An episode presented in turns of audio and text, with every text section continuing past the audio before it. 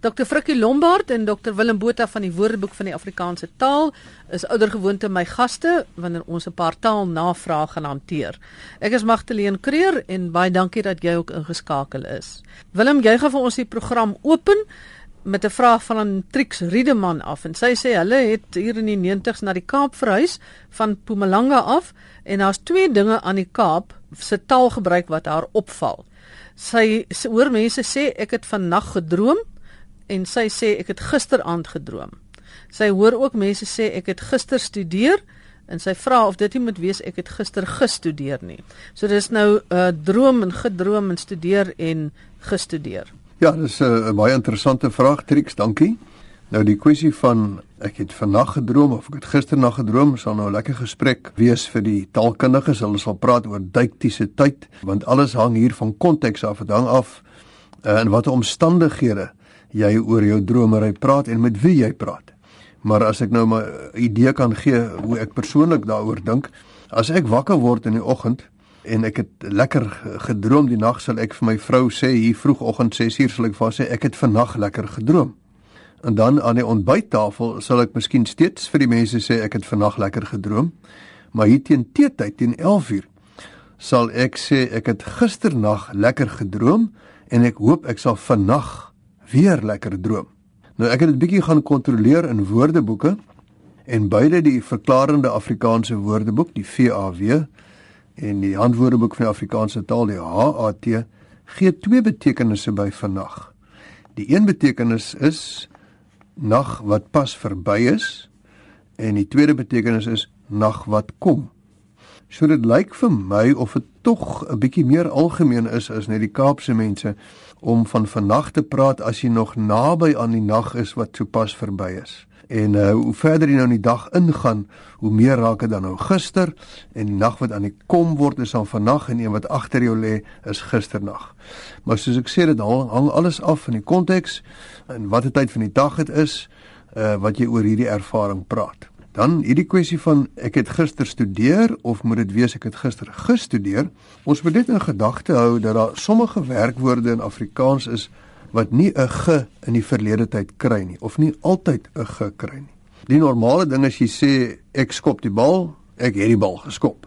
Maar daar is byvoorbeeld werkwoorde wat begin met be, ge, her, er, ont, vir, weer of onder wat nie gekry nie. Byvoorbeeld, die verkleermannetjie het van kleur verander.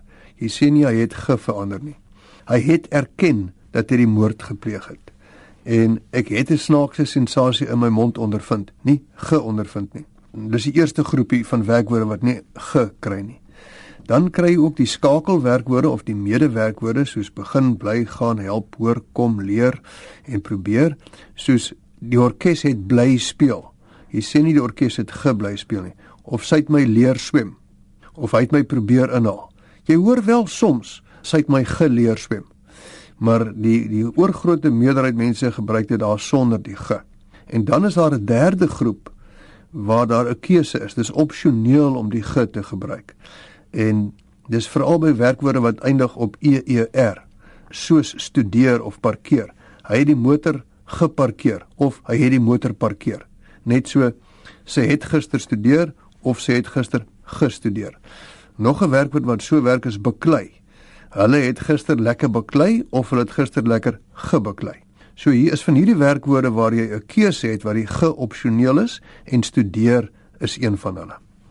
Goed Willem, net na ek nou met Frikkie gepraat het, kom daar 'n heerlike vraag na jou kant toe oor hypnagogika en hypnopompika. Jy moet so lank dink.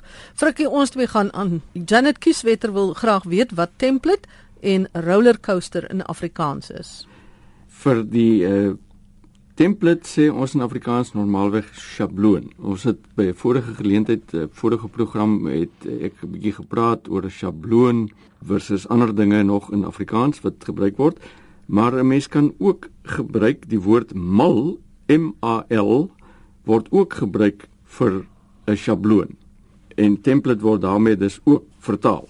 Of dit kan 'n maatplaat wees of 'n patroonplaat template temp wel template word ook gebruik. Dit dit dit, dit hoor jy. Ek sien nog nie dat die Faros Woordeboek dit aanbied nie En dit is seker maar een van daai gevalle, jy weet, waar ons nog probeer om iets anders vir die ding te, te gee, maar mense praat uiteraard van template. Profielvorm kan dit ook wees formout wat wat vir my pla van template is daar's allerlei ander mooi forme wat wel beskikbaar is ons kan dit maar gebruik. In die boukunde beteken 'n template ook 'n draagsteen of 'n draagstuk. Dit is nou wat template betref. Nou 'n rollercoaster word natuurlik ook genoem 'n big dipper en daar's twee forme wat in Afrikaans wat ek gekry het uh wat daarvoor gebruik word. Een is 'n wipwaandjie en die word dikwels figuurlik gebruik. Sy het 'n wipwaandjie van emosies beleef, die soort van ding, jy weet, so so so so ding nou op en af gaan soos jou emosies ook. En dit word ook dikwels in samestellings uh gebruik soos 'n wipwaandjie rit. Uh en daai wipwaandjie rit kan ook figuurlik wees en nie noodwendig letterlik nie. Nou die ander wat gebruik word en wat ek amper verkies 'n bietjie is 'n tuimeltrein.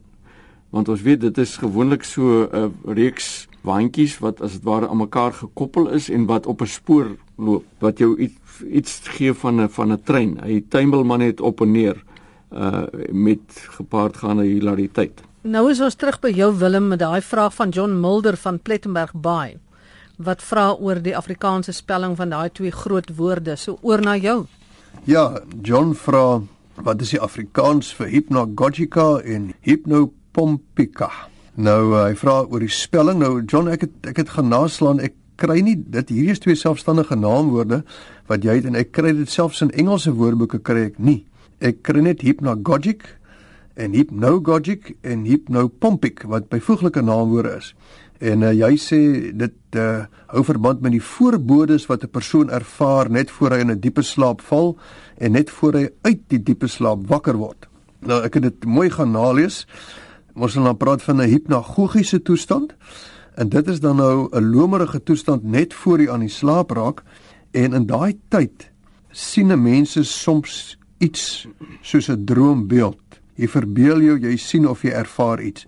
En dit is die voorbodes uh, waarna jy waarskynlik verwys. So dit is hierdie toestand net voor jy in slaap raak en en en dit gebeur soms dan dat mense droombeelde sien. Uh voor jy heeltemal in 'n diep slaap verval. Nou interessant die die hypnos Grieks verbind hier met die ander Griekse stam agagos wat beteken lydend na. So dit beteken in die Grieks oorspronklik lydend na die slaap en dit is presies maar die betekenis wat dit nou nog het. Dan hypnopompik wat dan hypnopompies is. Ehm um, dit is uh, interessant net weer die teenoorgestelde. Dis die halfwakker toestand net voordat jy volkome ontwaak waarin jy ook soms droombeelde sien terwyl jy heeltemal wakker word. En uh weer eens dan kom dit van hipnos wat dat slaap is en pompy beteken om weg te stuur. So dis die toestand waar jy weggestuur word van slaap. En nou word dit natuurlik ook waar hipnotiseer vandaan kom. Hipnotiseer beteken om jou aan die hipnos te maak, om jou aan die slaap te maak. So John wat die Afrikaanse vorm betref, waar die Engels daai hypno met 'n y eintlik ek sien jy dit met 'n i die Afrikaans is natuurlik met 'n i hypno en dan hypna hypnagogies en hypnopompies sou die uh Afrikaanse byvoeglike naamwoorde wees. Goed Frikkie, dis nou 'n baie interessante ding gewees. Ek het dit uh, nog nooit van gehoor nie. En nou is dit vir my baie interessant om die verduideliking te hoor. So Frikkie, uh, daar word baie dikwels vrae gevra oor wat die woordeboek maak met nuwer woorde wat verskyn in 'n taal en waarvan die traject waarin hulle hoort reeds alfabeties voltooi is. Nou wil jy nie vir ons 'n bietjie hieroor gestels nie. Ja, en Willem kan my maar 'n bietjie hulp gee hiermee. Ons uh, ons was nou in die proses om juist te kyk bietjie na sommige van die goed en en wat 'n mens kan doen om dit reg te stel. Nou in 'n in 'n geskrewe weergawe van 'n woordeboek as jy eers verby 'n sekere traject is, sê maar jy's klaar met die letter K, dan jy laas as die ding gedruk en dit is verby, jy jy kan eers by 'n volgende uitgawe kan jy miskien iets bywerk. Maar ons het 'n uh, bietjie gaan stil staan en gekyk na na sekere van die goeters wat 'n mens teekom. Jy kom byvoorbeeld by die woord perske oor, nê, nee, en dan is dit nou maar hierdie tipe oor wat boksers of rugby spelers dan nou tipies het uh waar daardie oor baie gevrommel word en dan moet jy as leksikograaf nou dink maar is perske oor nou die gebruikelike woord hiervoor of is daar iets anders En normaalweg sal ons dadelik dink maar dis dis mos 'n blomkool oor. En dan wil jy dit nou verwys na blomkool oor toe, maar dan vind jy dat in die eerste deel van die WAT, onthou nou dit is in 1960 in die 1950s is dit uh, uitgegee.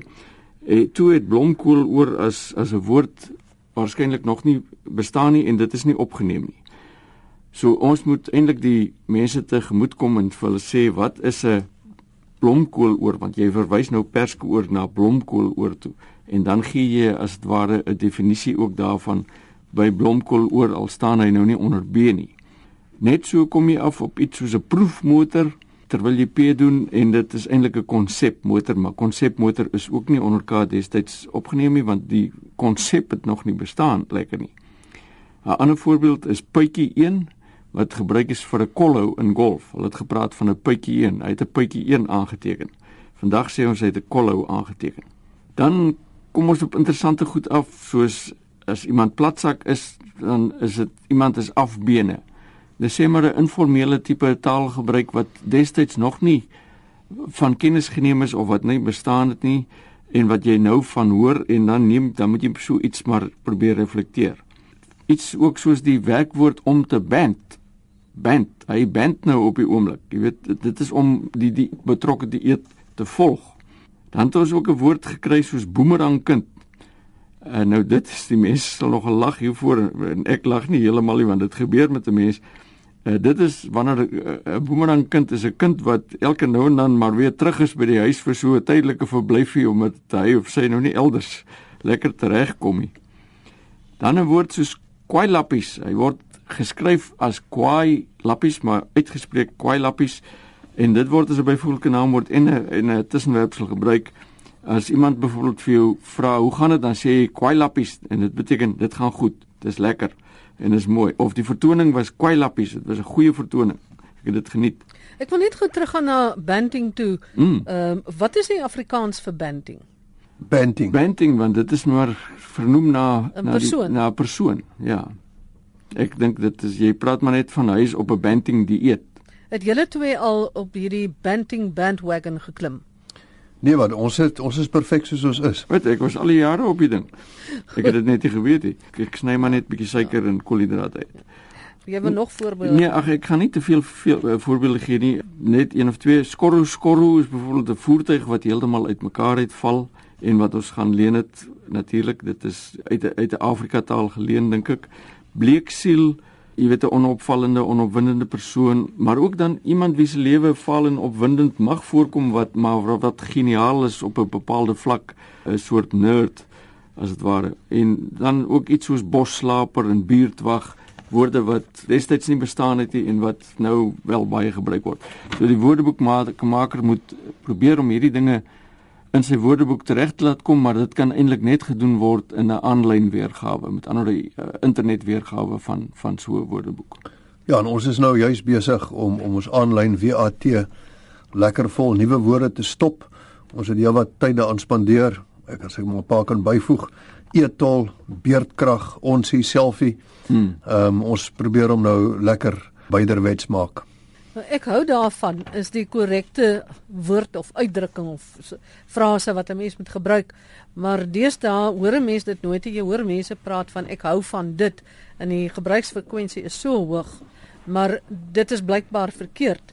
Nou Willem wil jy nie vir ons verduidelik nie en dan ook sommer oor volgens my mening of na my mening, maar eers by ek hou van dit of ek hou daarvan.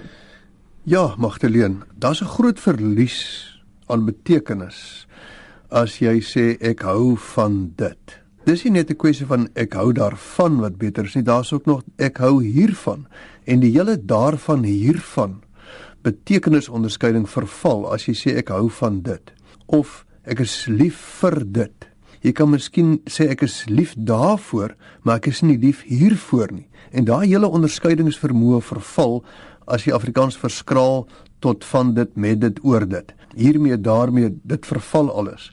Maar interessant genoeg as jy die sin voluit sê, as jy sê ek droom daaroor om Engeland toe te gaan of ek droom daarvan om 'n dokter te word, dan kom dit outomaties reg want jy kan tog nie sê ek droom oor dit of ek droom van dit om 'n dokter te word nie. So dis vir my die bewys wat eintlik 'n korrekte vorm is. As jy dit voluit sê, in plaas van ek hou van dit met jy uitsê wat jy van hou, né? Ek hou daarvan om te gaan swem. As jy dit voluit sê, dan kom dit reg oor. Dan sien jy wat is die regte vorm. Dan uh, volgens my of volgens my mening of na my mening, beide is korrek. Jy kan ook sê myns insiens, maar beide is is in daardie geval. Jy kan ook sê wat my betref, is dit die beste voorbeeld of so. So albei daardie voorbeelde wat wat ons hier genoem het van volgens my mening of na my mening, albei is korrek. Die, die Nederlanders weet ons almal is baie lief om te sê volgens my en dan gaan hulle vir julle ruk aan.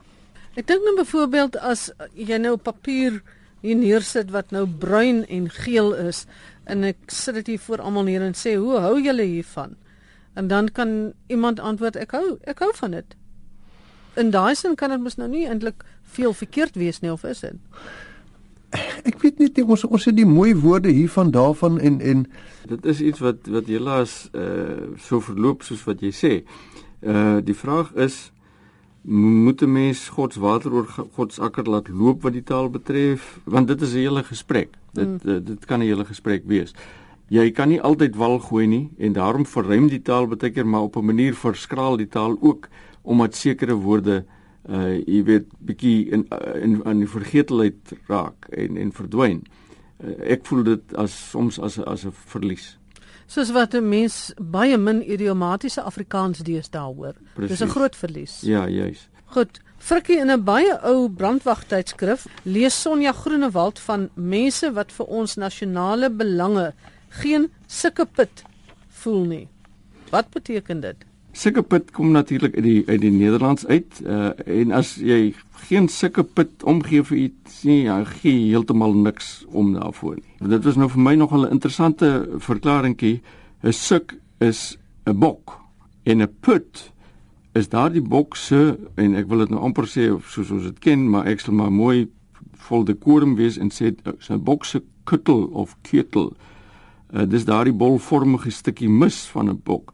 So as jy nou geen sulke put vir iets omgee nie, dan gee jy selfs nie eens dan gee jy boggerol. Jy gee boggerol om of, of 'n boggerolletjie om uh min of meer vir iets. Dis 'n interessante woord nog nooit daarvan gehoor. Ja, nie. maar ek dink jy weet dit is nou maar een van daai daai dinge wat helaas ook maar ons het dit nou wel by die Nederlanders geërf, maar dit is tog nogal fraai. En deur baie min gebruik sal hy nou maar ook heeltemal vergeet raak. Ek dink as mense nou voortaan vir iemand wil lekker sleg sê en uh, jou vereg dan sê jy ek voel ek geen sulke put vir jou geen sulke put vir jou nie en jy draai om en jy loop weg. Net so. Want daai persoon nou wonder vir die res van die dag. Ja. goed 'n laaste vraag dan moet ons klaarmaak. En dit gaan aan Willem. Daniel van Stellenbosch vra waarom ons in Afrikaans in tennis 'n telling aandui as 15 stroop terwyl die Nederlanders weer praat van 15 0 Ja, Dani vertel dat sy vrou saam met 'n Nederlandse dame tennis gespeel het en dis toe vir haar baie vreemd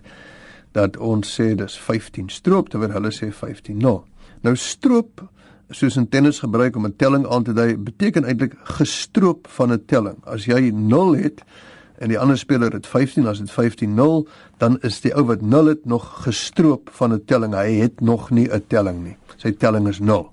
Nou interessant, die, die Engelse love, hulle sê 15 love kom van die Frans oeuf wat 'n eier is. Met ander woorde so rond soos 'n nul. Baie keer sê uh, tennisspelers ook vir mekaar, kom ons breek ons eiertjie. Kom ons kry punte. Ons kom weg van hierdie nul af. En die woord tennis self kom heel waarskynlik ook van Frans uh die bevelsvorm tenez. Met ander woorde hou vas met die implikasie hier kom die bal. Tenez daarmee die einde en soos altyd dankbaar Dr Willem Botha en Dr Frikkie Lombard van die Woordeboek vir Afrikaanse taal, Magdalene Creer en ons groet tot 'n volgende keer.